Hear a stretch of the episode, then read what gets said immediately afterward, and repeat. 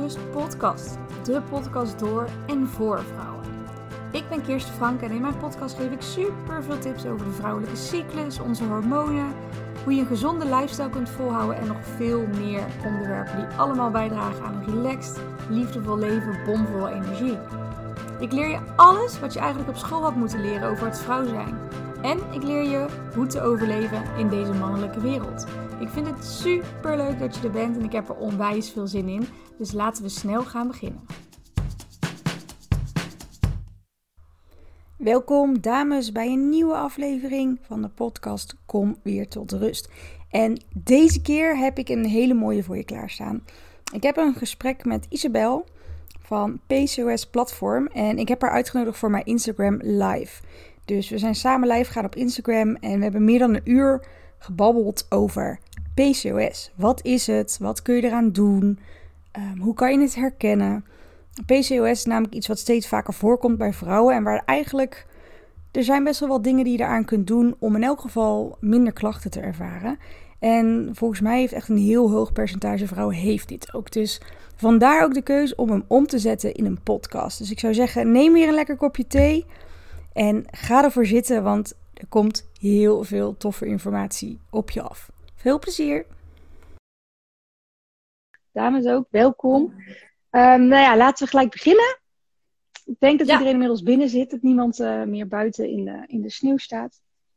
Mag ook niet zo lang meer, geloof ik. um, nou ja, Isabel, ten eerste superleuk dat je uh, hier live wil, uh, wil gaan bij de, voor de dames. Um, want PCOS is nogal een, nou ja, eigenlijk een term of een afkorting is het meer, hè, die je steeds vaker voorbij hoort komen. Um, in ieder geval ik in mijn omgeving. Um, ik ben 32. Het ligt er misschien ook een beetje aan dat ik in de fase zit waar uh, heel veel uh, vriendinnen zwanger worden of willen worden. Of, en vaak dan pas erachter komen um, dat ze met PCOS te maken hebben. dus ik wil zeggen, laten we daar eens even mee beginnen. Weet je, wat is PCOS? Uh, waar staat het voor? Weet je de feitjes wellicht? Ja, ja, het is wel goed om even te beginnen. En stel jezelf ook even voor. ja, met de basics. Ja, ik ben Isabel van PCOS Platform. Ik heb uh, uiteraard zelf PCOS. En um, daarvoor ben ik dus een platform begonnen. Het is zeg maar een, een Instagram-account, een website. Ik ben ook een podcast begonnen. En uh, ja, het is eigenlijk. Er hebben zoveel vrouwen PCOS, daar kom ik zo wel even op, dat ik dacht, nou, er moet gewoon hier een, een platform voor komen. En PCOS staat eigenlijk voor polycysteus ovarium syndroom. En het is dat je meerdere eiblaasjes in je eierstoeken hebt. En um, ja, het kan zeg maar, uh, iedereen heeft eiblaasjes in zijn eierstokken, in haar eierstokken. Maar wanneer je PCOS hebt, dan overleer je uh, niet of onregelmatig, wat ervoor kan zorgen dat je meerdere eiblaasjes in die eierstokken hebt. Maar je hoeft geen eiblaasjes in je eierstokken te hebben om PCOS um, te hebben. Dus het is een beetje een, een verkeerde naam, zou je, het, zou je kunnen zeggen. Vele uh, experts, ja, die hebben ook um, eigenlijk gevraagd om een andere naam. Maar goed, iedereen kent het nu al zo, dus dat is prima. Maar je, ja, vaak is het wel zo dat je die, uh, die blaasjes hebt. En we hadden ook een vraag gekregen hoe, die, uh, hoe je weet dat je het hebt en hoe die diagnose wordt gesteld. En um, nou, arts kan natuurlijk alleen maar die diagnose stellen. En dat doet een arts aan de hand van de Rotterdam-criteria. En dat zijn, um, ja, dat zijn drie criteria waarvan je, als je er aan twee voldoet, dan krijg je in principe de diagnose PCOS. En de eerste is dat je dus meerdere eiblaasjes in je eierstokken hebt. En dat gaat dan om meer dan 12 per eierstok. En de tweede is dat je hyperandrogenisme hebt. Dus dat je um, ja, dat is eigenlijk een verhoogd mannelijk hormoon. En dat kan zijn dat je uh, ja, symptomen daarvan hebt, zoals haaruitval, acne of overbeharing. Maar um, het kan ook zijn dat het in je bloed te zien is. Maar dat hoeft dus niet per se. En de laatste is dat je een onregelmatige menstruatiecyclus hebt. Dus dat wordt eigenlijk meestal gezegd dat je minder dan acht keer per jaar menstrueert. Um, en als je aan twee van die drie criteria voldoet, dan, uh, dan krijg je in principe de diagnose. Maar er zijn best wel een aantal dingen die lijken heel erg op PCOS. En dan, een arts doet eigenlijk ook altijd nog even bloedonderzoek en uh, onderzoekt een aantal andere dingen. En als die zijn uitgesloten, dan krijg je de diagnose. Dus dat um, wordt nog wel eens vergeten of, of, overgeslagen. Of er wordt wel eens door een echoscopist een um, diagnose gesteld. En eigenlijk kan dat niet, dus niet. Nee, dus eigenlijk vanuit de arts. Maar um, die gaat eigenlijk naar die drie criteria kijken en andere dingen uitsluiten. Ja, ja, precies. Dus die gaat. En meestal praten ze ook even met je, dus dan vragen ze over. Ja. ja. Zou fijn zijn, hè? Dat ze mm -hmm. nog even gesprek voor. Nee, want um, stel dat je. Want kijk, ik geloof dat het 1 op de 10 vrouwen is die, die te maken krijgen met PCOS, als ik het zo uit mijn hoofd zeg. Ja, ja zelfs um, 1 op de 5 denken ze. Alleen heel veel vrouwen hebben het en weten niet dat ze het hebben. Dus ze denken dat 1 op de 8, 1 op de 10 weet het ook daadwerkelijk. En um, ja, dat, de cijfers verschillen, het zijn altijd schattingen. En 1 op de 5 schijnt het ja, te hebben, dus um, heel veel. Ja, want hoe kwam jij daarachter bijvoorbeeld? Ja, ik stopte met de pil en toen, um, ja, toen werd ik dus heel lang niet ongesteld. Toen ben ik naar de, Gesteld. uiteindelijk naar de uh, gynaecoloog doorverwezen. Eerst, uh, eerst deed mijn huisarts uh, zei dat ik even moest wachten. Totdat het zes maanden zeg maar niet teruggekomen was. En dat ik daarna dan doorverwezen mocht worden. En bij mij is het gewoon echt met een inwendige echo en bloedonderzoek en alles is het vastgesteld. Ja, dus eigenlijk zeg maar het, even, het symptoom, zeg maar het uitblijven van je, van je menstruatie. Ja. Was voor jou een reden om, om te kijken wat is er aan de hand. Ja. Als ik het goed ja. zeg. ja. Ja, nee, oké, okay, nee, heel goed. Ja, want ik ben ook um, heel erg. Ik, nou, ik wil zeggen, ik heb het niet, maar ik weet in ieder geval niet zeker of ik het heb of niet. Maar ik, ik ervaar in ieder geval niet de klachten, uh, laat ik het zo zeggen. Um, maar ik weet dat er heel veel vrouwen zijn die dat wel doen. Hè? En PCOS, ook even voor iedereen die meekijkt, is ook een hormoon gerelateerd. Is eigenlijk allemaal, bijna allemaal hormoon gerelateerd, laat ik het zo zeggen.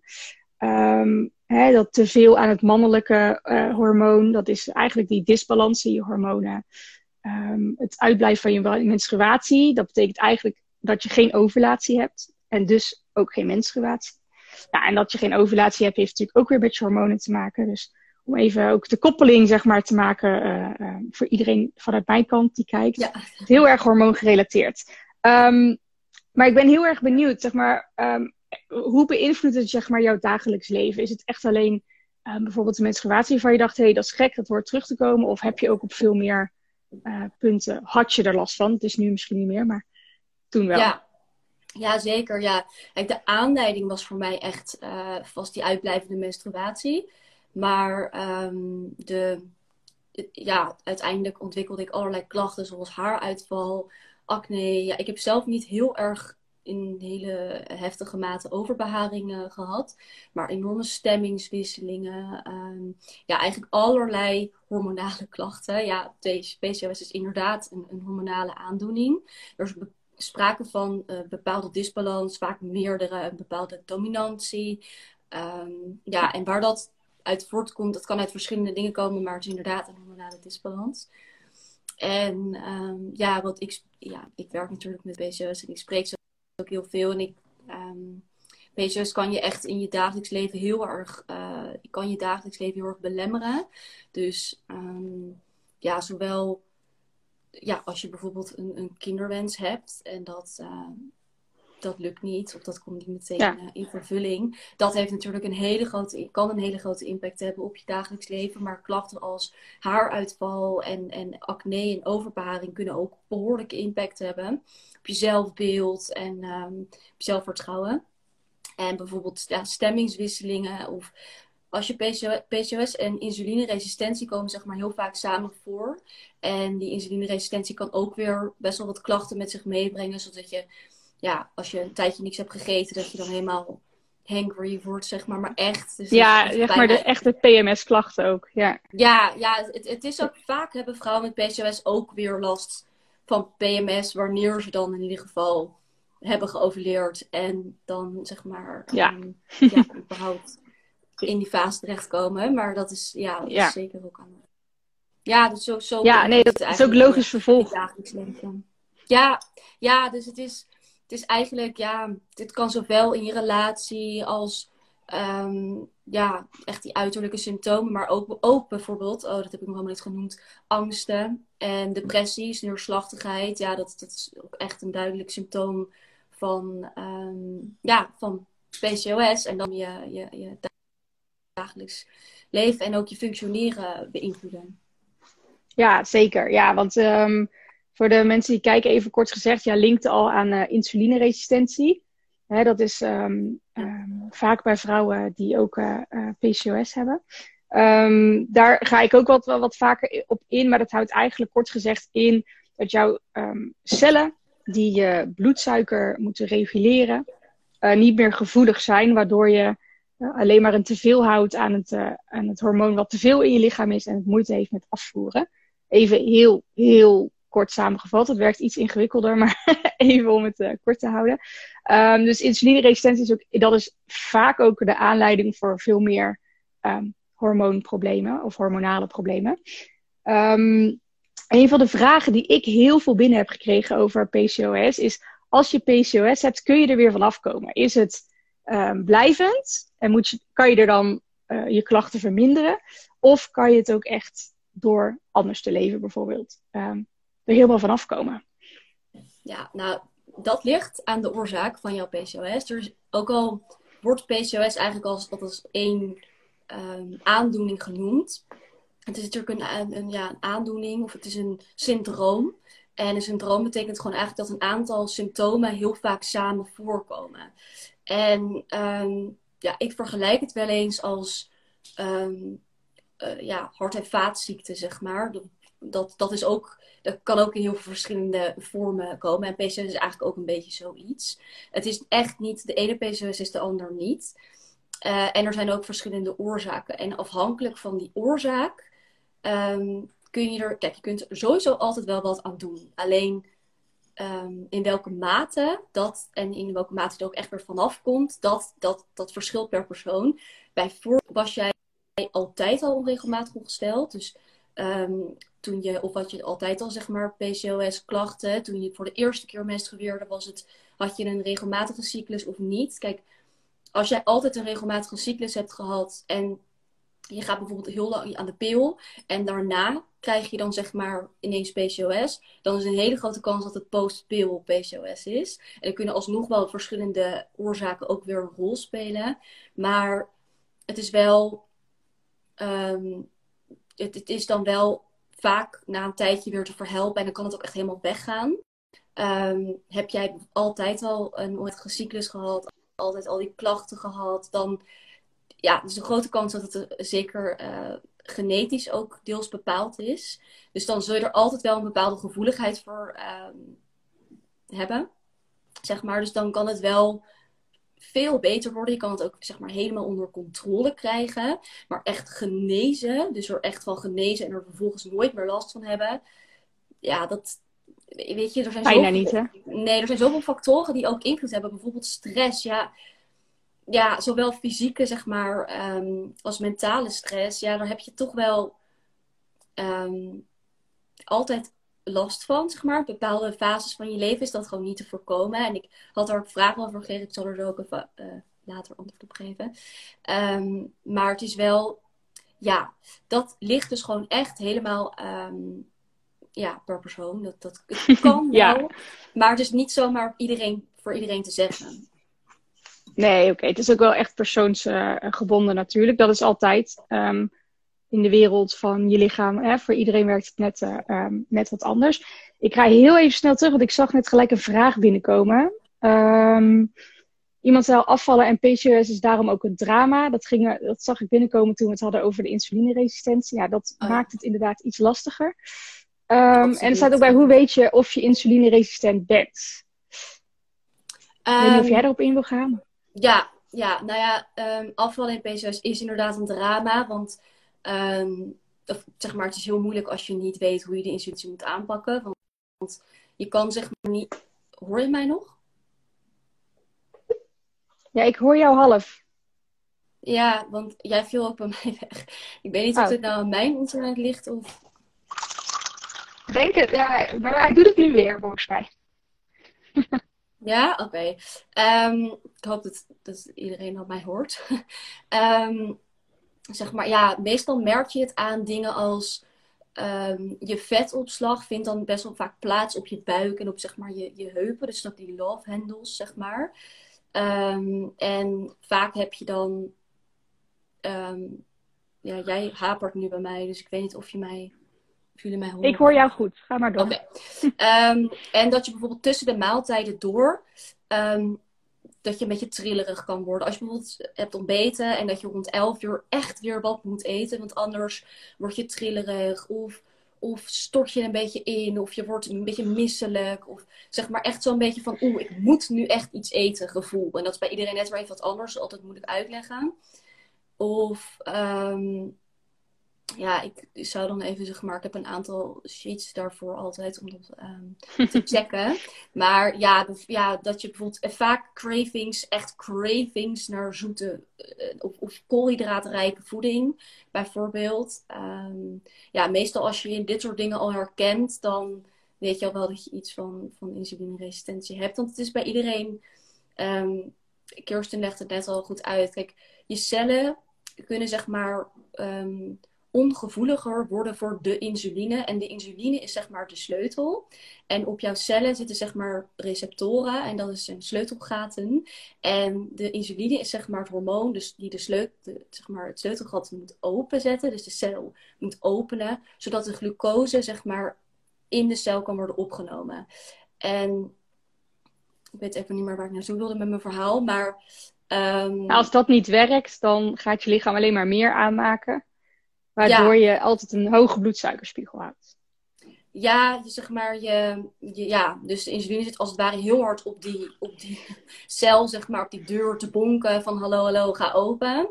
En ja, dan, dan gaat je lichaam, gaat die, die bloedsuikerspiegel, die blijft hoog. Want voor je lichaam is het zeg maar niet goed als je bloedsuikerspiegel lang hoog blijft. Schadelijk voor bepaalde organen. Dus je lichaam wil dat gewoon, uh, ja, dat dat op een bepaald niveau komt. Ook omdat je...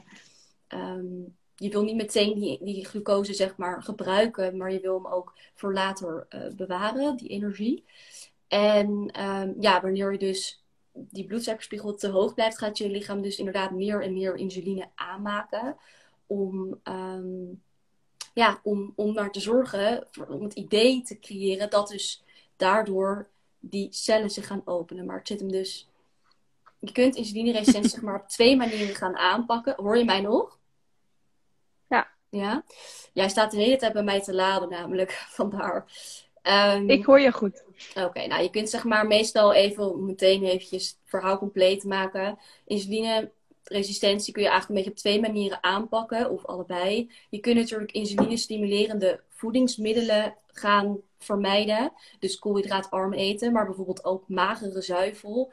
Um, die bijvoorbeeld, dat heeft geen invloed op onze bloed, bloedsuikerspiegel, maar is wel insuline stimulerend. Dus je insuline gaat er wel, spiegel gaat er wel van omhoog. Um, dus dat zou je kunnen doen. Maar wat je eigenlijk natuurlijk liever wil, is het probleem bij de oorzaak aanpakken. De insulineresistentie. En dat zijn je cellen gevoeliger maken voor insuline. En vaak liggen hier laaggradige ontstekingen aan ten grondslag. Dus, en dat is ook bij PCOS echt wel een beetje een rode draad. Heel veel oorzaken zijn zeg maar daarmee verbonden. Ja, dus de ontstekingen in het lichaam eigenlijk. Ja. Toch als je... Ja, laaggradige ontstekingen zijn zeg maar het continu sluimerend actief zijn van je immuunsysteem. Brengt het immuunsysteem brengt ontstekingsreacties op gang. Wat natuurlijk goed is, alleen niet als dat continu actief is. Want dat brengt gewoon je lichaam uit balans. Met alles moet het in balans zijn. ja, en het, en het kan dus insulineresistentie um, veroorzaken. Dat je gevoelig, ja, ik... cellen gevoeliger, minder gevoelig zijn voor insuline. Ja, en dan, want ik, ik wil uit niet alleen blijven hangen bij het stukje insulineresistentie, maar het is natuurlijk wel een groot onderdeel um, sowieso bij veel vrouwen. Um, ja. Ehm, ik kreeg, zag nog een vraag binnenkomen. Weet je, ik vermijd alle geraffineerde suikers al. Maar hoe, kan hoe gaat het dan met vers en gedroogd fruit, met dadels en honing? Weet je, wat is de juiste hoeveelheid? Ja, wat ik, wat ik altijd heb gehoord en wat ik ook altijd uh, probeer, zelf probeer te doen, is het als je um, hè, dat soort suikers gaat eten, of binnenkrijgt, of ergens doorheen zit, dat je probeert het altijd te combineren met de goede vetten en proteïne. Zo, dan wordt het uh, rustiger opgenomen ehm, door je lichaam. Ehm, ik heb zelf persoonlijk niet zo heel veel. Uh, ik zeg altijd, ja, weet je, gewoon vers fruit, dadels. Dat is best wel, dat is gewoon, zijn natuurlijke suikers. Alleen pak er dan niet te veel van. Ik weet niet uh, hoe dat uh, vanuit jou en in jouw leeromgeving, zeg maar, meegedeeld wordt. Nou, het is eigenlijk, je hebt verschillende stromingen. En er zijn zeg maar, eh, kijk, je kunt, wat ik net al zei, door, door kijk, sowieso geraffineerde suikers en zo, dat is natuurlijk sowieso niet het beste wat je kunt eten. Want je, ja, je bloedsuikerspiegel schiet gewoon omhoog. En je hebt sowieso liever dat de energie langzamer wordt afgegeven. En dat heb je gewoon met complexe koolhydraten.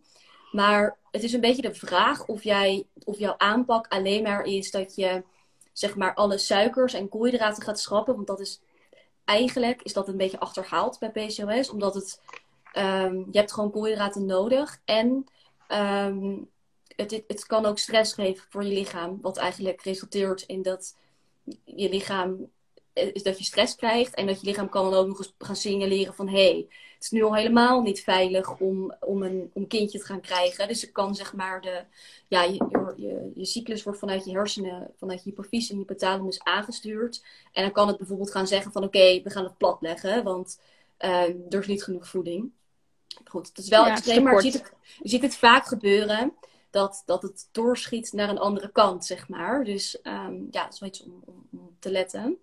En um, kijk, het maakt zeg maar bepalend in hoeverre jij insulineresistent bent. Dus hoeveel cellen in jouw lichaam zijn insulineresistent. En um, ja, de een kan prima zeg maar gedroogd fruit en dat soort dingen eten. En de ander reageert er heel snel op. En dan zou je in het begin kunnen beginnen met het aanpakken van die insulineresistentie. En dan rustig weer wat meer die, die koolhydraten zeg maar op te bouwen. Maar het is wel altijd belangrijk om ja, de volkoren varianten um, te, te, toe te passen.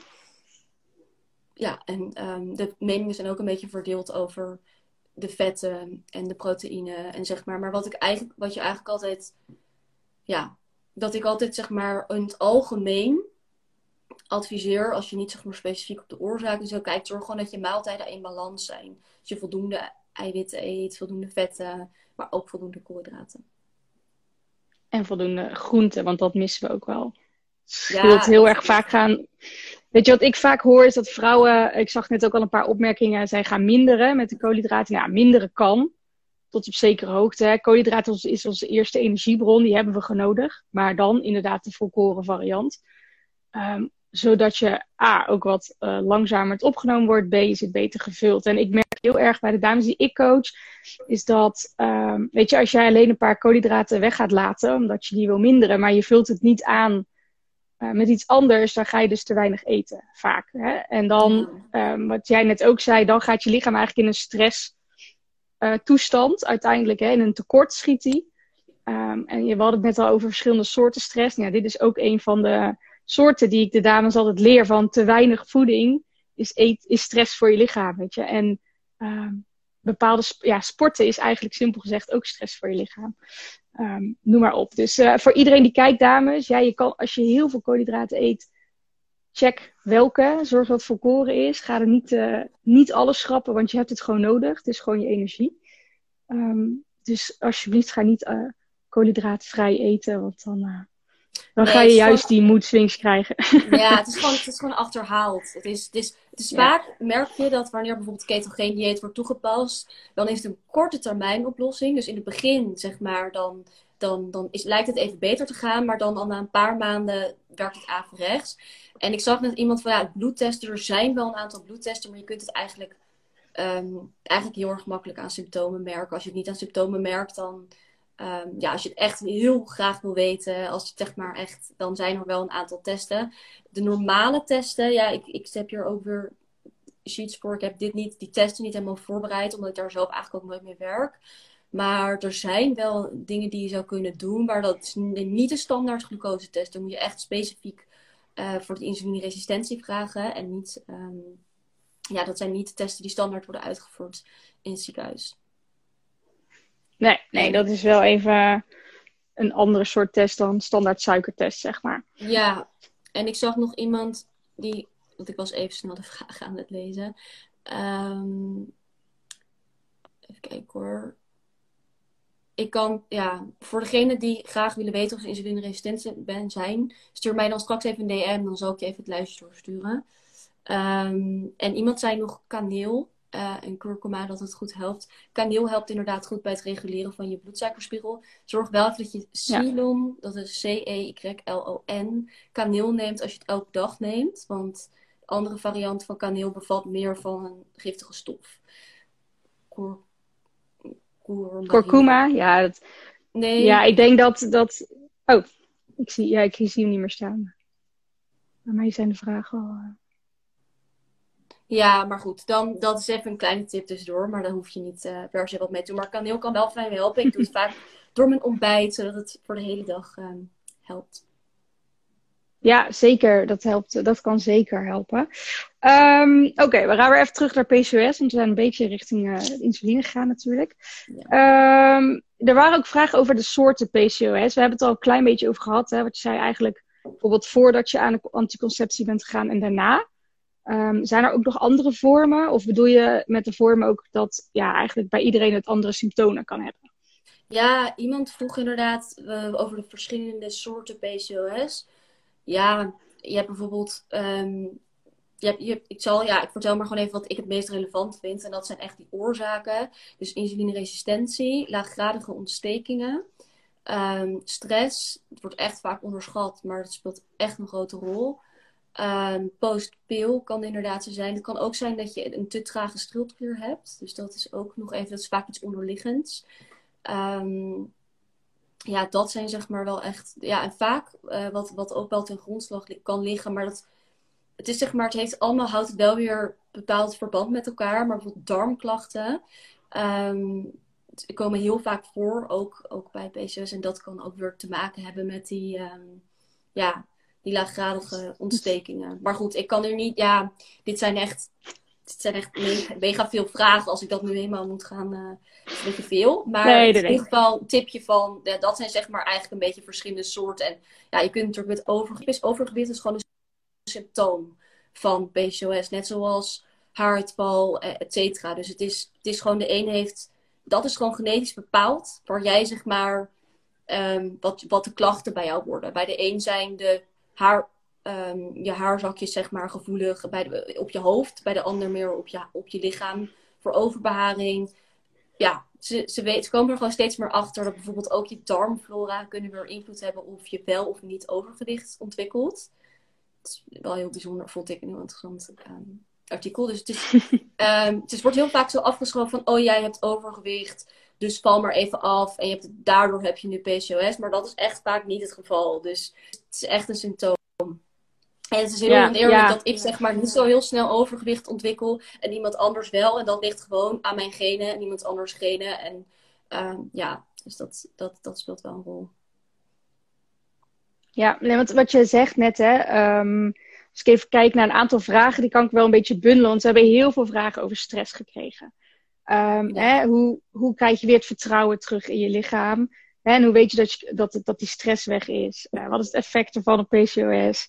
Uh, hoe creëer, ik kreeg, we kregen ook een vraag, die nu heel relevant. Hè, hoe creëer nu rust, rust en ontspanning voor jezelf in huis met, al, met alle kids thuis ja. en hè, iedereen binnen?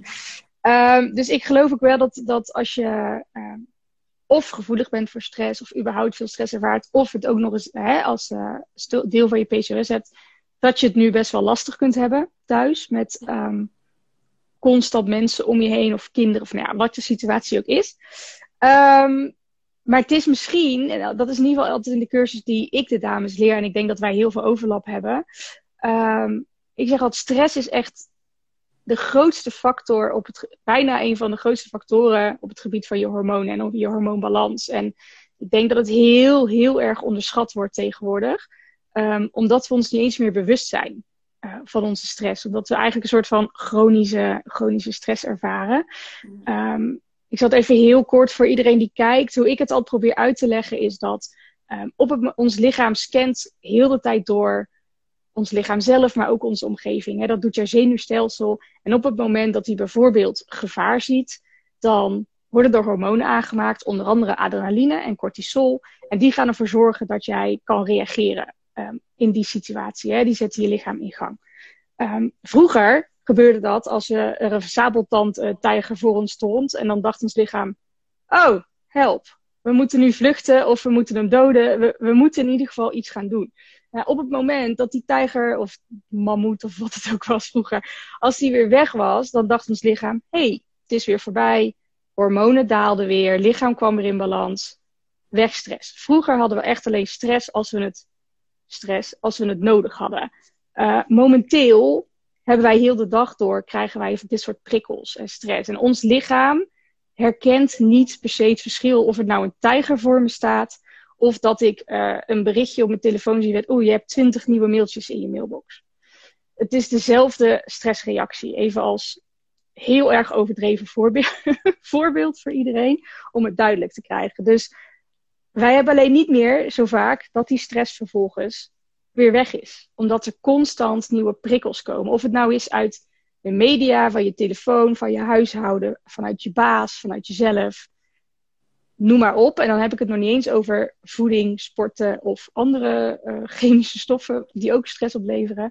We hebben gewoon heel veel stress momenteel. En uh, ik merk ook in, het programma wat bij mij niet draait, ja, hoe ga je daar nou mee om? Weet je, wat kun je nou doen um, om daarmee te leven of om dat te verminderen? Nou, ik heb wel een aantal methodes, maar ik ben eigenlijk ook wel heel erg benieuwd um, wat jij bijvoorbeeld doet voor je, voor je stresslevels of wat jij in jouw programma uh, de dames meegeeft. Dus uh, ja, ik ben eigenlijk wel benieuwd.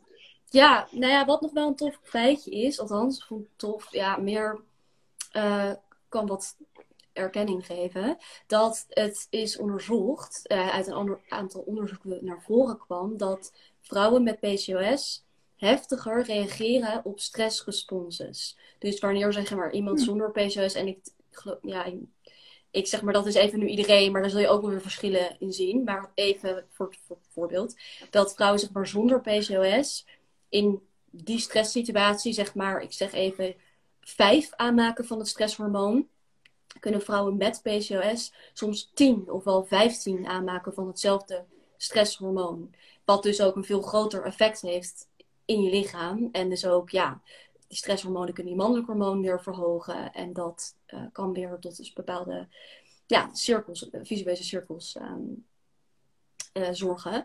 Goh, en, dat wist ik niet. Uh, nee, ja, dat is wel, wel good to know, zeg maar. Vaak zie je ook ja. dat, um, ja, het is wel even, kijk, je hebt PCOS en dat zul je toch ergens ook wel een beetje moeten accepteren. En um, het is ook wel fijn om te weten van, hé, hey, ik, ik heb dus een andere, ik moet er gewoon rekening mee houden dat ik heftiger reageer op stress. En het is misschien ook fijn om aan je omgeving uit te kunnen leggen van, hé, hey, ik, ja, ik snap dat het voor jou niet, niet, niet stressvol is, maar voor mij wel.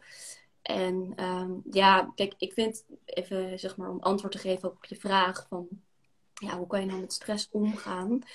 Ja, kijk, stress, hoe je met stress om moet gaan, is natuurlijk afhankelijk van zijn, is het fysieke stress, is het mentale stress? Nou, fysieke stress is natuurlijk dingen als toxines vermijden, um, te veel cafeïne kan bijvoorbeeld stress zijn, um, te weinig beweging of te veel intensief sporten, kunnen allemaal vormen van stress zijn, uh, voedingsgroepen vermijden, te weinig eten überhaupt, te veel eten.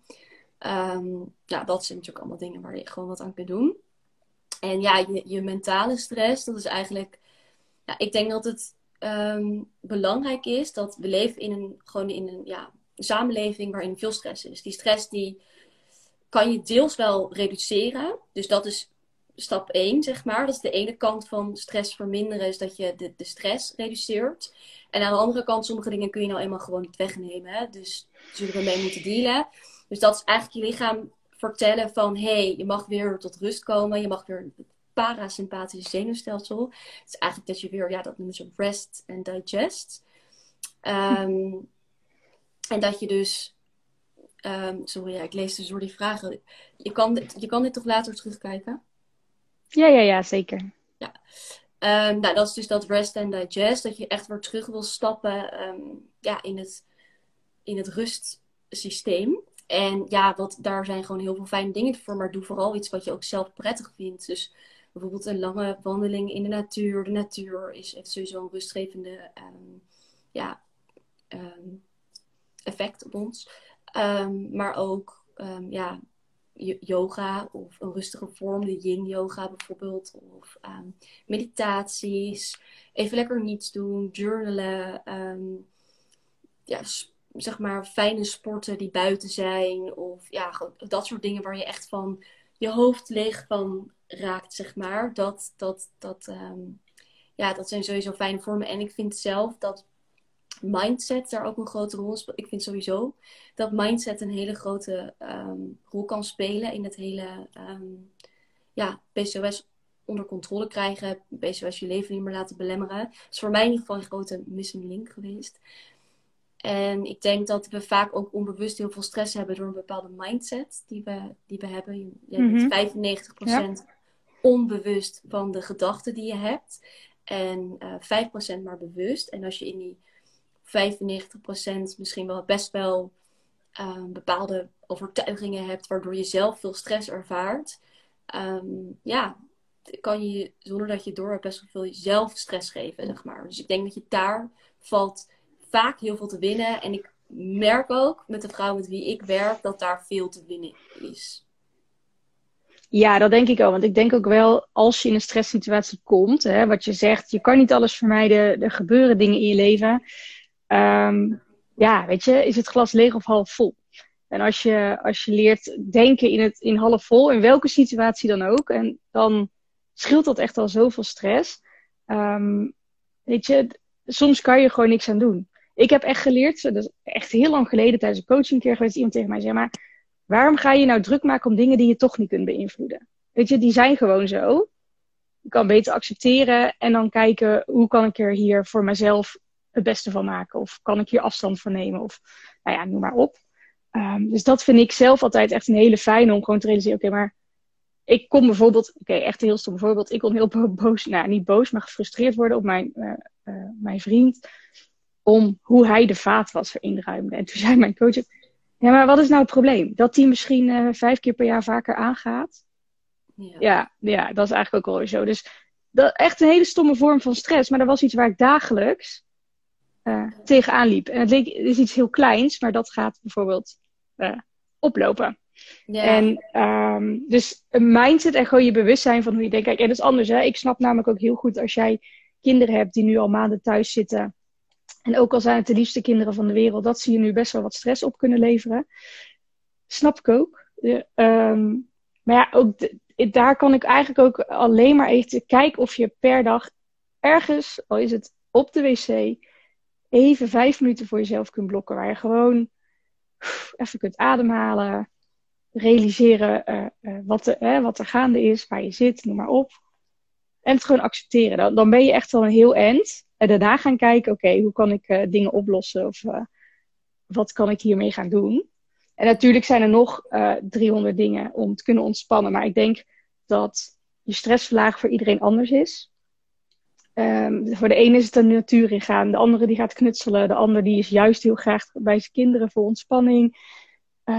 andere mensen, wat ik ook heel vaak zeg, is een orgasme. Supergoed om je stress, om je stress te verlagen. Um, adem, uh, breathwork, ademsessies. Uh, gewoon af en toe even helemaal niks doen, ook niks hoeven. Um, ik wil alleen altijd meegeven bij de dames. En dan gaan we het uh, ophouden over het stukje stress. Maar een hele makkelijke manier om jouw dagelijkse prikkels te verminderen. En zeker als je wellicht hooggevoelig bent. Stop met kijken naar het nieuws. Haal die apps van je telefoon alle meldingen die heel de dag op je telefoon binnenkomen, zet ze uit. Dan word je namelijk er ook niet naartoe getrokken. En je denkt ook niet, oh, er heeft ik moet nog reageren. Nee, gewoon kijk je mail wanneer jij daar besluit tijd in te willen steken. Hetzelfde met je WhatsApp die heel de dag door kan gaan. Bij mij staan alle meldingen uit. Nee, ik kijk niet het nieuws. Ik mis zelden wat, want als er echt iets gebeurt, dan komt, weet je, mijn vriend vertelt het me wel. Of op mijn werk, of op de radio. Uiteindelijk komt het gedurende de dag toch voorbij. Ehm, maar dan start je wel je dag heel anders. Ja, dat is trouwens je avond. een goede, zeg maar, een ochtendritueel kan wel fijn zijn. Um, in zeg maar de hele dag een andere mindset aannemen. Dus al doe je s ochtends vijf minuten meditatie. En wat ik nog wel wilde aanvullen op wat je zei, van je kan nooit de situatie, of je kan de situatie misschien niet veranderen, maar wel hoe je ermee omgaat. En dat is altijd wel een. Ehm, dingen zijn soms nou eenmaal zoals ze zijn, maar je kunt wel kijken van hé, hey, hoe ga ik hier nu mee om? En dat is altijd een keuze.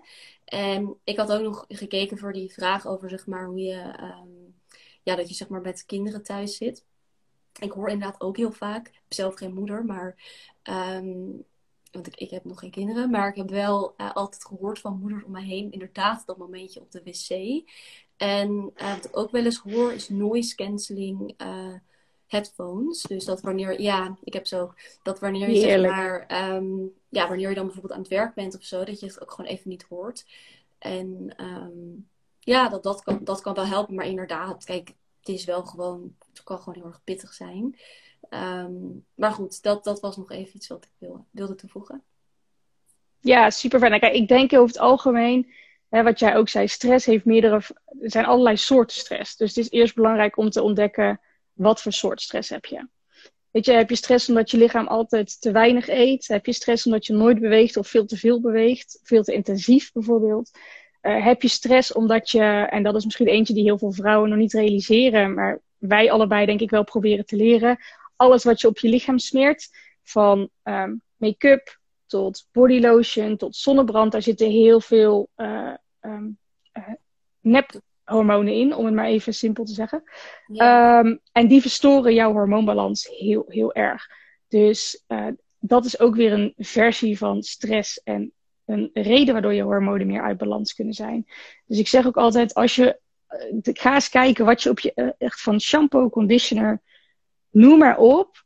Er zitten, probeer altijd voor de 100% natuurlijker te gaan. Of maak gebruik van essentiële oliën. Of uh, check in ieder geval uh, wat erin zit. Want daar zit echt al een heel, heel groot verschil te halen. Ja. Ook echt een stuk stress voor je lijf. Ja. Absoluut. Stress. Zoveel ja, stress. is wel echt um, de grootste. Ja, en wat ik nog wel het laatste dingetje wil toevoegen over stress. En dan moeten we inderdaad over ophouden. Maar stress is ook gewoon echt heel belangrijk. Um, wat je heel veel ziet, wat ik in ieder geval heel veel tegenkom, is dat voor zeg maar het moment dat je met PCOS bezig gaat in je leefstijl, dan hoor je heel vaak: oké, dit is slecht, dat is slecht, dit is giftig, hiermee um, doe je dit, doe je dat. Je, het is zeg maar heel erg je wordt bijna soort van bang gemaakt voor bepaalde dingen. En het is ook nog eens zo dat het om de zoveel tijd verandert. Het weer helemaal, dan is het ineens weer nee. Dit is wel goed, nee, dit is niet goed. En wat je veel ziet, vrouwen met PCOS hebben een grotere kans of komen heel vaak eetstoornissen voor. Een eetstoornis klinkt altijd heel heftig, maar een eetstoornis kan ook zijn dat je bijvoorbeeld binge eating, dus dat je gewoon heel veel uh, gaat eten in één keer. En het komt ook echt door de hormonen die uit balans zijn.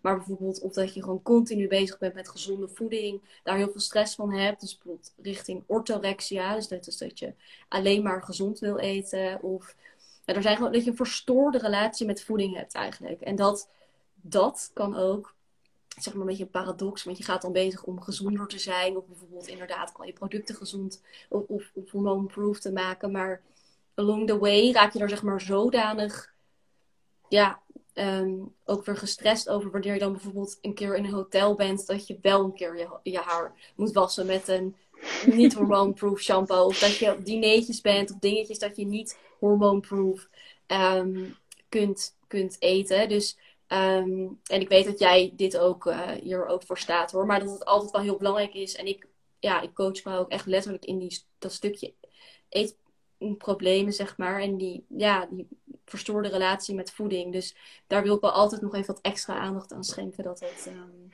wel belangrijk is om rekening mee te houden.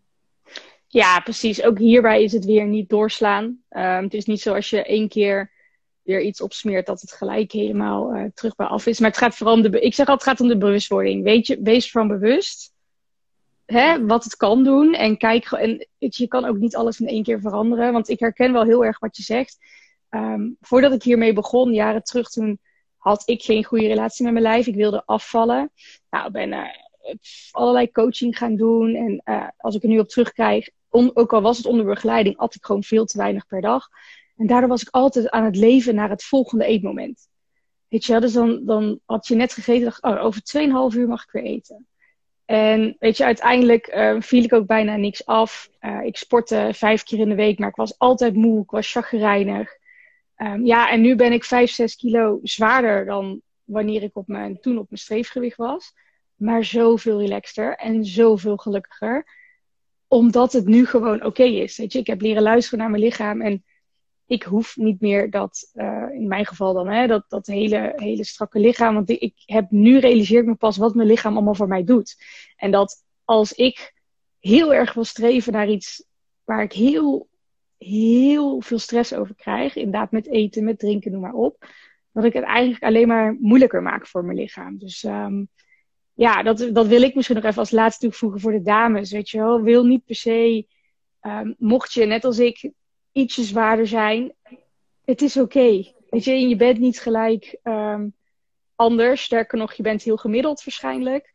Um, en realiseer je dat als je echt dingen in extreme gaat doen, welke kant op dan ook, um, ja, dat is altijd een aanslag voor je lichaam. Terwijl kleine stapjes, kleine veranderingen, die kunnen wel bijvoorbeeld heel veel klachten die je ervaart wegnemen. Zowel bij PCOS als bij eigenlijk heel veel andere hormoongerelateerde klachten. Uh, maar ik denk dat jij dat ook wel in je cursus doet. Dat je stapje voor stapje, je kan bijvoorbeeld je kan kleine veranderingen maken en dan zul je al veel verschil gaan merken. Uh, en dan ook waarschijnlijk ook in je stresslevels. Ja, weet je, ja, weet je we, we kunnen natuurlijk um, wij als nerds op dit gebied. Kun je hier natuurlijk uren over praten. Maar het is natuurlijk, ja, het komt gewoon, het komen gewoon elke keer weer nieuwe thema's naar boven. We moeten dit nog een keer doen. Um, yeah. Ja, dat stukje zelfacceptatie, hoe je bent, dat, dat ligt echt ook voor vaak ligt dat in grondslag aan heel veel mindset, mindset stukjes. Dat ik, ja, ik ben prima slank hoor, maar ik was op een gegeven moment ook 7 kilo zwaarder. En op een gegeven moment vond ik dat eigenlijk gewoon best wel prima. Ik vond het eigenlijk best wel mooi. En um, dat gewoon heel erg geaccepteerd. Veel meer dan um, ja, dat ik elke keer weer uh, wilde afvallen of dat buikje weg wilde. En juist toen ik het helemaal ging accepteren en oprecht accepteren, toen um, liet ik het ook helemaal los. En daardoor gaat ook uh, alle stress en alle druk ervan af. En ja, je raadt het, toen viel ik ook af. Maar niet dat ik dat wilde, maar dat gebeurde gewoon automatisch omdat ik er niet zo meer mee bezig was.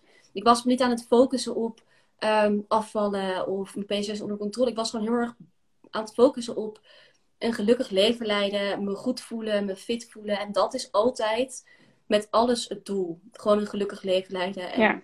je fit en goed voelen. Dus dat is, dat, als je dat nastreeft, dan, dan zit je eigenlijk altijd wel goed. Komt de rest ook goed, yes. Um, ik zit nog even te kijken. Volgens mij hebben we bijna alle vragen wel gehad. Ik zie nog eens tussen staan van ja, heb je tips bij acne? Ja. Um, ik weet niet of, of jij ze hebt. Ja, ik zie, ik zie ook nog een vraag of je hardlopen beter zou kunnen vermijden. Ja. Dat ligt dus totaal aan per persoon. Sowieso ja, niet te lang. Dus niet echt, ja... Dat ligt weer per persoon. Het ligt, wat voor conditie heb je al? Kijk, als je echt een enorme conditie wil gaan opbouwen, is dat stressvoller dan onderhouden. Um, en ja, dat is echt wel, vind ik, maatadvies. Want je, ja, de een kan het gewoon veel beter hebben dan de ander. Um, en het ligt er ook naar aan, het is ook nog laatste dingetje over die stress. Um, hoe vol zit jouw stress, ja, ik noem dat stressmeter al. Kijk, als je en al dit hebt, en, en al een drukke baan, en, en misschien al elke dag twee kopjes koffie drinkt, en, en dit en dat, dan zit hij al vrij vol. En dan kun je er niet heel veel meer bij hebben. Maar als je zeg maar verder minder stressfactoren hebt, zo werk ik zeg maar ook in mijn, ja, Academy heet dat dan, echt een hele module ook over stress. En dan ja, kijk je gewoon heel erg naar hoeveel ja, hoe vol zit zeg maar jouw stressmeter al?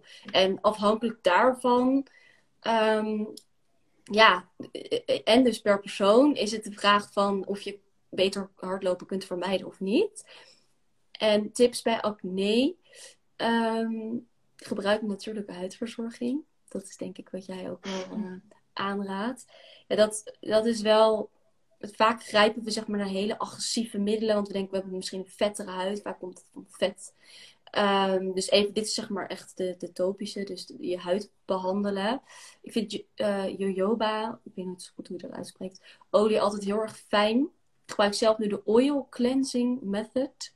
Dan moet je maar eens opzoeken. Dat, dat, um, en als je daar meer over wil weten, mag je me ook een DM sturen. Want ik ben daar nu helemaal in aan het uh, en experimenteren. En um, ja, vermijd gewoon echt hele, hele heftige, um, vet verwijderende middelen, omdat dat juist, je stript je huid van, van je natuurlijke vetten en denkt, oké, ik heb een droge huid, ik moet nog meer vet aanmaken. Ehm, en ja, het begint natuurlijk altijd heel erg bij de oorzaak. De reden waarom je waarschijnlijk acne ehm, hebt, is omdat je androgenen, vooral je vrije androgenen, zeg maar, uh, de ongebonden uh, mannelijke hormoon in jouw lichaam te hoog is. Wat, wat je mannelijk hormoon wordt omgezet in DHT. En de ongebonden variant van dat DHT, dat zorgt ervoor, kan ervoor zorgen dat je talproductie toeneemt. Nou, dat in combinatie met vaak ontstekingen in je lichaam, toch bepaalde mate van laaggradige ontstekingen, dat zorgt voor acne. En als je natuurlijk die acne echt aanpakt bij de oorzaak, dus je laaggradige ontstekingen gaat verminderen, um, ja, en daarmee je PCOS gaat aanpakken, dat soort dingen, dan, ja, dan pak je het eigenlijk van twee kanten aan. Ja, want ik, wat ik er nog kan aanvullen, um, het, komt, het kan ook um, vaak komen met juist best wel veel oestrogeen. moet ik zeggen, als jij PCOS hebt en je hebt geen ovulatie, hè, als dat je, je probleem is en dus geen menstruatie, dan zal de acne uh, niet komen door de reden die ik je nu ga vertellen. Maar als je wel ovuleert, dus als jij een normale menstruatie hebt, um, dan hebben dames vaak juist acne rond de ovulatie. En misschien een beetje rond je menstruatie. Dat zijn vaak de twee piekmomenten. En als je hem zeker, moet je maar voor jezelf bijhouden, als je hem vaak hebt rond je ovulatie, dan kan het heel erg, um, dan kan het zo zijn dat jouw lever je oestrogeen niet uit het lichaam weggewerkt krijgt. Um, dat kost je lever gewoon heel veel werk, stress op je lever. Uh, en dan kan ik je eigenlijk alleen maar adviseren om je lever te gaan ondersteunen. Dus let op inderdaad met cafeïne. Let op met, kof, uh, met alcohol, want dat zorgt ervoor dat je lever uh, hele andere dingen moet gaan doen.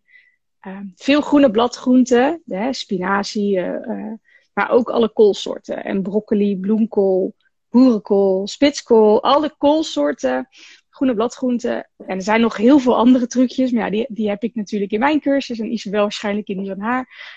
Um, maar die kunnen je daar ook echt heel erg bij helpen. En het roleren van je zaden en pitten. Maar dat roep ik volgens mij tegenwoordig elke dag. Dus wie dat nu nog niet doet, die moet er toch maar eens mee gaan beginnen. maar, maar dat kan ook, uh, ook oorzaak zijn. Ja. Ja, nou bij PCOS, vrouwen met PCOS hebben ook vaak oestrogeendominantie, omdat je niet overleert. Um, en wanneer je zeg maar overleert, dan even kort in de bocht, want het een beetje voor info, maar um, dan zeg maar, dan maak je dan, dan zeg maar, dan het je follikel, waar zeg maar het eitje uitgesprongen is, dat wordt dan het gele lichaam genoemd. En dat gaat zeg maar progesteron aanmaken. Daarom hebben we, en wij ovuleren dus niet, dus hebben we ook echt veel minder progesteron vaak. Daarom zijn onze ja. progesteronlevels ook zo ontzettend laag. Vaak wanneer je dus niet ovuleert. Um, dat, is, dat zorgt bij far voor de allermeeste aanmaak van progesteron. Dus vaak, progesteron zorgt ervoor dat je oestrogeen zeg maar daalt. Of, of eigenlijk ja, balans komt. Dus vaak is er bij vrouwen met PCOS ook uh, sprake van oestrogeendominantie en ook heel vaak een verzwakte lever. Dus ja, die combi is ook niet fantastisch. Dus wat jij net uitlegt is wel ook vaak. En oestrogeen is ook een beetje een, te veel. kan een beetje een ontstekingsachtige stof zijn. Dus kan ook weer voor die ontstekingen zorgen. Dus ja, het heeft ook wel weer wat je zegt. Is wel ook echt van toepassing op vrouwen met PCOS. Dus zeker die broccoli. Met lekker veel DIM erin. Ja. DIM. Dat, dat helpt voor je lever. Ja, ja, nee, ja ik, ik, ik twijfel even. Jij, laat ik zeggen, oestrogeen die heb je ook nodig voor je ovulatie. Nou, inderdaad, wat jij zegt, als die ovulatie niet plaatsvindt, komt die progesteron ook veel minder. Ja, dan heb je snel een dominantie. Ehm, voordat er allemaal vragen komen over oestrogeendominantie, daar kunnen we nog een hele andere live over uh, um, vol praten. Dus laten we daar nu even niet te veel op ingaan. Maar um, het is bij veel vrouwen het geval, laten we dat zo zeggen. Dus nogmaals, als je dus veel last hebt van acne, ga voor die broccoli, bloemkool, eigenlijk alle koolsoorten, alle goede bladgroenten. Voeg die gewoon vaker toe aan je, aan je voeding. En zorg dat je lever kan rusten. Want je lever werkt gewoon heel hard. En neem iets als alcohol, al is het maar één glas. Alcohol is eigenlijk puur vergif voor ons lichaam.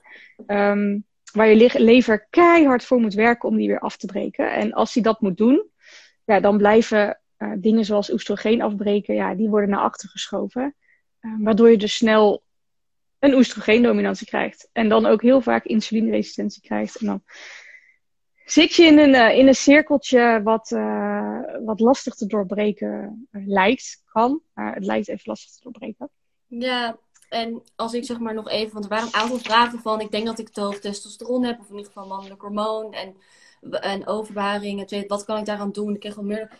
Nou, zeg maar net zoals we net zeiden, eigenlijk gaat het gewoon heel erg om het aanpakken van de oorzaak. Dus de, de oorzaak begint dus helemaal van waarom heb jij überhaupt uh, eh, PCOS? En als je dat gaat, kijk, dan dat gaat aanpakken, dan komt alles zeg maar steeds weer meer in balans. En dan gaan die mannelijke hormonen naar beneden. Maar wat wel nog kan helpen, is spearmint tea.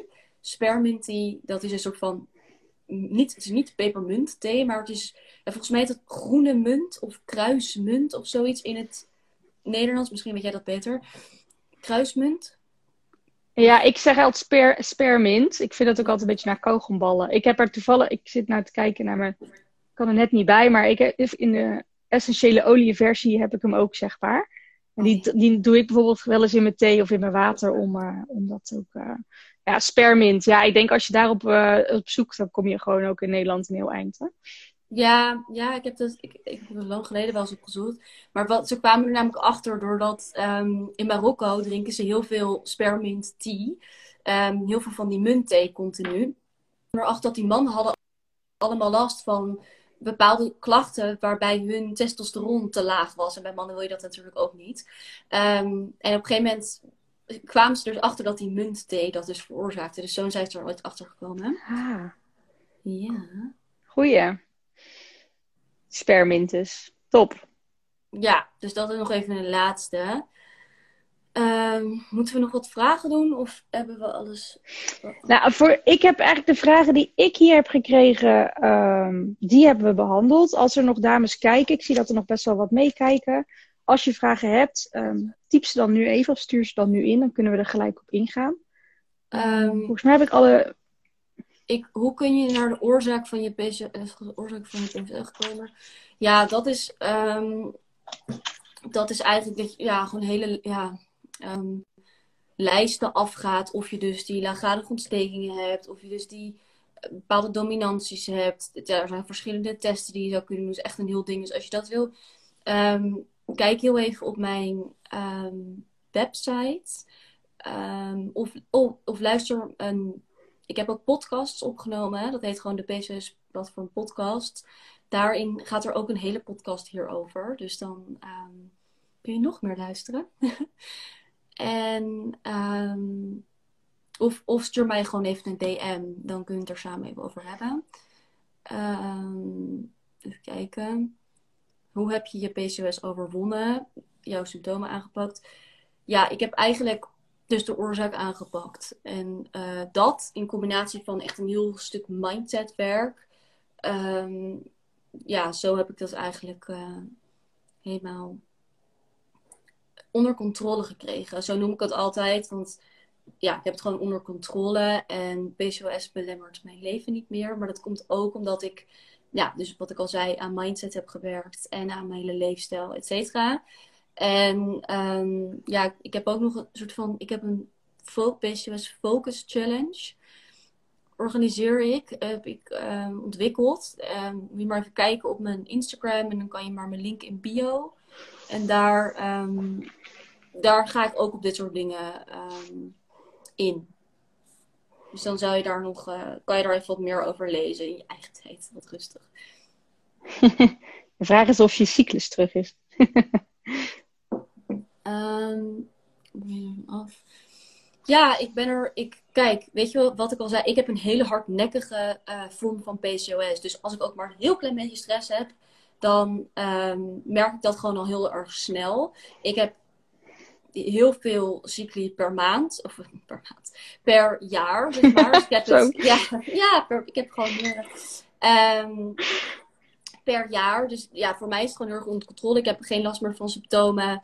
Uh, ik overleer gewoon. En uh, ja, voor mij, voor mij is het uh, helemaal onder controle. Maar voor de een is dat Um, ja, is dat eerder dan voor de ander, laat ik het zo zeggen. Voor mij is het, um, ja, ik heb het gewoon. Voor jou wel.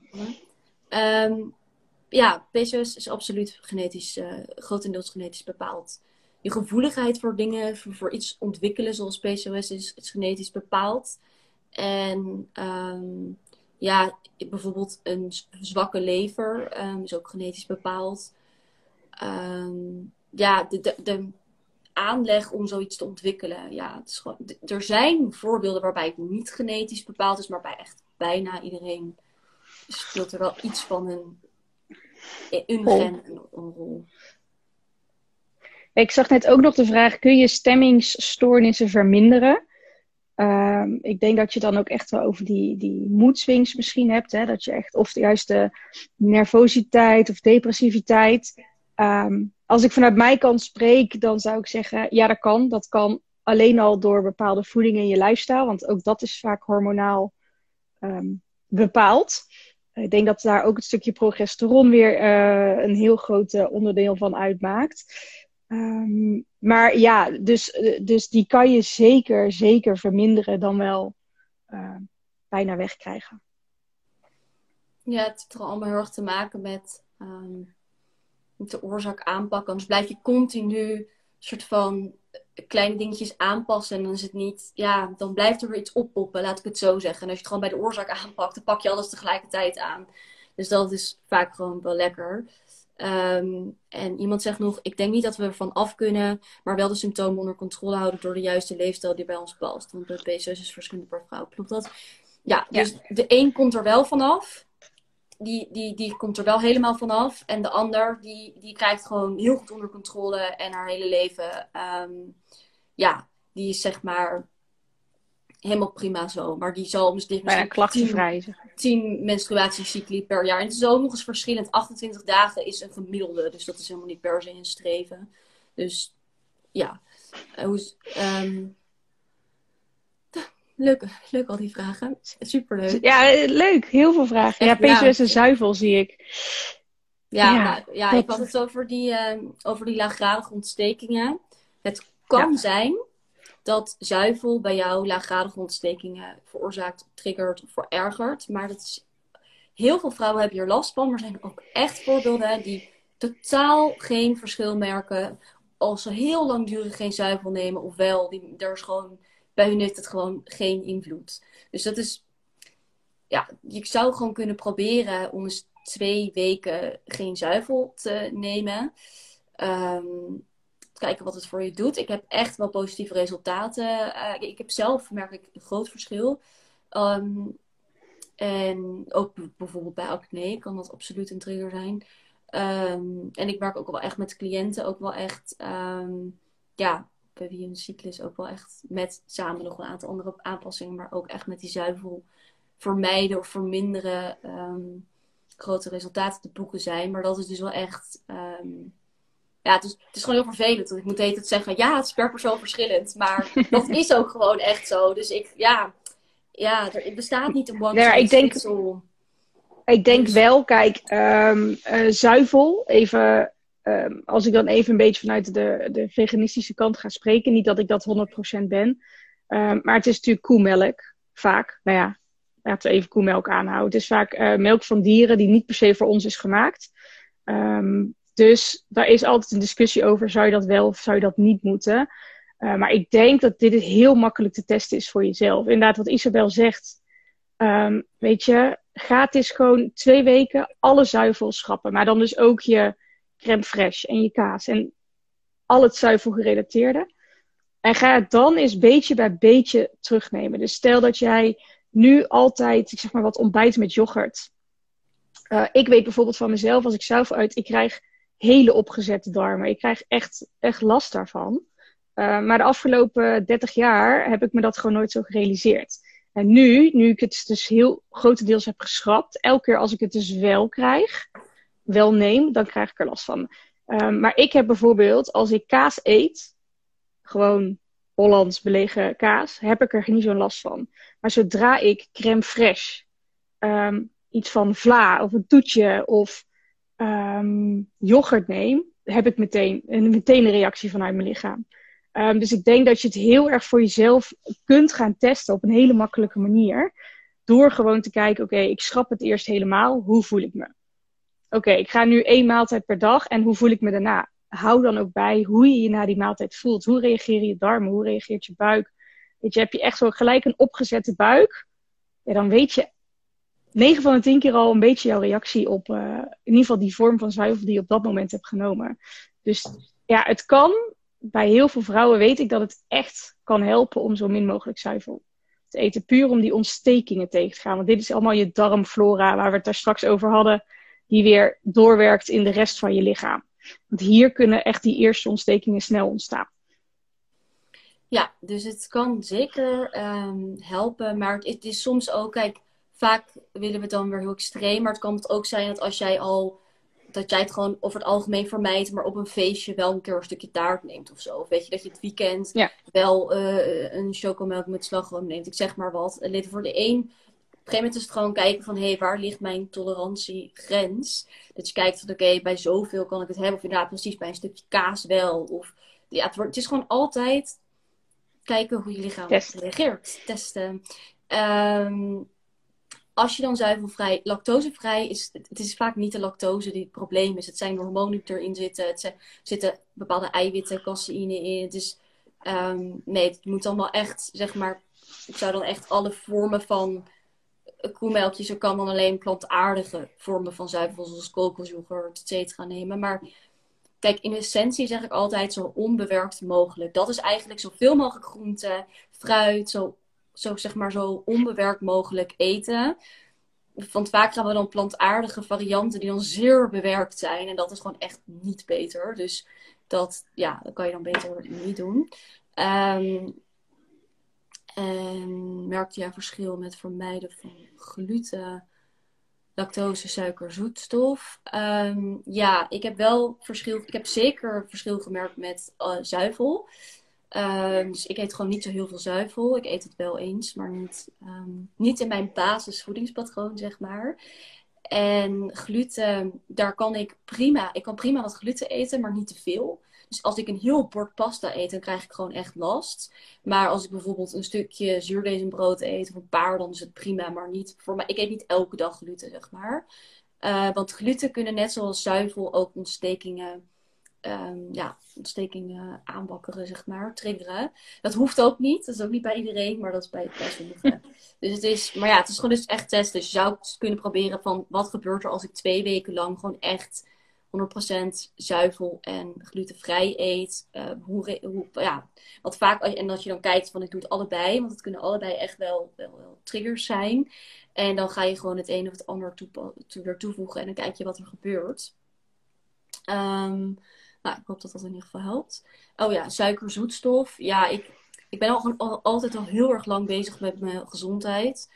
Omdat ik ook al vanaf mijn dertien of zo darmklachten had. Um, ja, eh, suikerzoet. Ik eet af, zeker af en toe lekker suikerzoetstof. Ik eet sowieso alles. Ik ben sowieso nooit van de 100% restricties.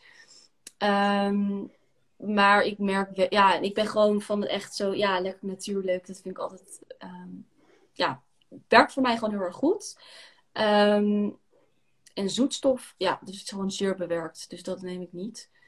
Um, dan neem ik nog liever suiker dan zoetstof, zeg maar. En klopt het dat sojaproducten je beter kunt vermijden met PCOS? Ja, daar zijn de meningen ook over verdeeld. Um, niet, zou niet te veel soja nemen. Gewoon af en toe een beetje soja kan echt prima, kan geen kwaad. Sommigen zeggen zelfs dat het helpt bij PCOS, maar dat ligt ook weer per oorzaak. Uh, verschilt dat. Maar weet je, ik zou met alles gewoon proberen niet te veel um, te eten. Dus probeer niet elke dag dan. Ga niet soja yoghurt eten bijvoorbeeld. Maar ik kan best wel eens wat tempeh of dat soort dingen toevoegen. Of ja, dat kan prima. Vind ik, denk ik.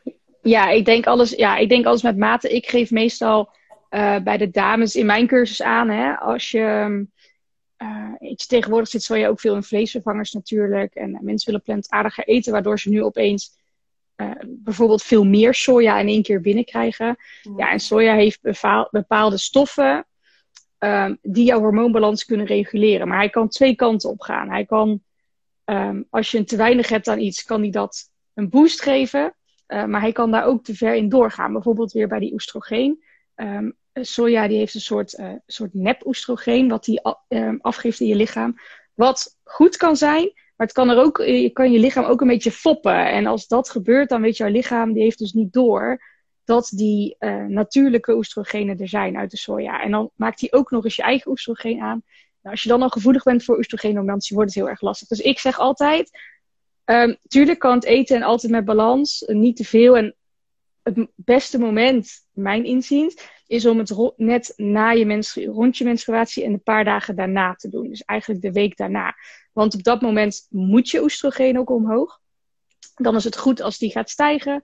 Um, en daarna moet je leverkaart aan het werk. Dus om die lever daarna te ontlasten, pak ik hem eigenlijk na de ovulatie niet meer. Um, puur om niet extra spanning, zeg maar, of extra werk naar die lever toe te gooien. Maar het kan altijd. Nou, dat is wel een goede tip, denk ik. Wel een mooie aanvulling. Ja. Oké. nou, ik denk ook dat we hem um, ja, gaan afronden. we, blijven, we kunnen het best nog een keertje doen. En misschien een keer andersom. Dan gaan we gewoon, uh, als er nog heel veel vragen zijn. Um, ik zie nog heel, ik vermijd ook kip en vlees, want die dierenhormonen antibiotica krijgen om te groeien. Is dat juist? Ja, ook daar zijn altijd de meningen over verdeeld. Um, heel veel producten die we tegenwoordig eten zit antibiotica op. Gespoten of dan wel in de voeding of, de, of ja, noem maar op. Maar ja, inderdaad, veel van die dieren die eten dus ook heel veel van die soja bijvoorbeeld. Um, maar ook daar weer met balans. Het kan echt geen kwaad om een keer, om een keer um, alles uh, te eten. Um, nee, kijk, kijk, dan bijvoorbeeld, als je dan gewoon af en toe kip eet, zorg, zorg, dan dat je een goede kwaliteit kip neemt en vlees. Ga bijvoorbeeld naar een goede slager of uh, koop het dan biologisch, weet je wel. Dan kan je misschien, kijk, sowieso niet goed om elke dag vlees te gaan eten. Maar als je het dan eet, dat je het, um, dat je, ja, dat doe ik dan bijvoorbeeld. Um, want het is natuurlijk absoluut, hangt de prijskaartje aan vast. Maar als je het dan af en toe doet, dan, dan, dan kan je beter af en toe goede kwaliteit nemen dan ja. heel vaak Ja, bedankt voor jullie lieve antwoorden, al jullie vragen ook, dames, die gekeken hebben. Um, hij komt straks op mijn account te staan, dus je kan hem altijd terugkijken. Of iemand natuurlijk even doorsturen die er meer over wil weten. Isabel, jij hartstikke bedankt ja, voor je tijd. Heel graag gedaan. En, uh, ik wil volgens mij spreken we elkaar deze week. Ja, dat sowieso. En ik wil nog zeggen dat um, ik denk dat dat voor jou ook geldt. Maar dat als iemand vragen heeft, dan uh, mag je me altijd uh, benaderen. En dat denk op mijn website, op jouw website ook, dat er, dat er informatie staat. En dat nou ja, we altijd openstaan om te helpen. Ja, dus als je Isabel wil opzoeken, PCOS platform, daar kan je erop vinden. Um, bij mij kom je tot rust alles over de hormonen en vooral ook over de cyclus die daarbij hoort. Dus uh, ik denk dat wij elkaar nog vaker gaan spreken. Absoluut. En dan zou ik zeggen, hele fijne avond. En dan spreken we elkaar snel. Yes, tot snel. Dag yes. iedereen die doei. heeft gekeken. Alle lieve vrouwen. Doei. Dit was hem alweer, de podcast vanuit de Instagram TV met Isabel en PCOS Platform. Ik hoop dat je er iets aan gehad hebt. Ik hoop dat er toch weer iets is wat je geleerd hebt of wat je wellicht herkent bij jezelf. En dat is niet gelijk een ramp mocht je het hebben, maar het gaat natuurlijk altijd om een stukje bewustwording. En dames, ik zou het heel tof vinden om feedback van je te krijgen. Weet je, heb je iets aan de podcast gehad? Delen met anderen. Geef een rating. Stuur me een berichtje op Instagram. Kom weer tot rust. Of laat Isabelle het weten. PCOS Platform. Je kan ons uh, daar altijd vinden. En we zouden het super leuk vinden om wat van je te horen. Ik zou zeggen, Geniet nog van je dag en tot de volgende podcast.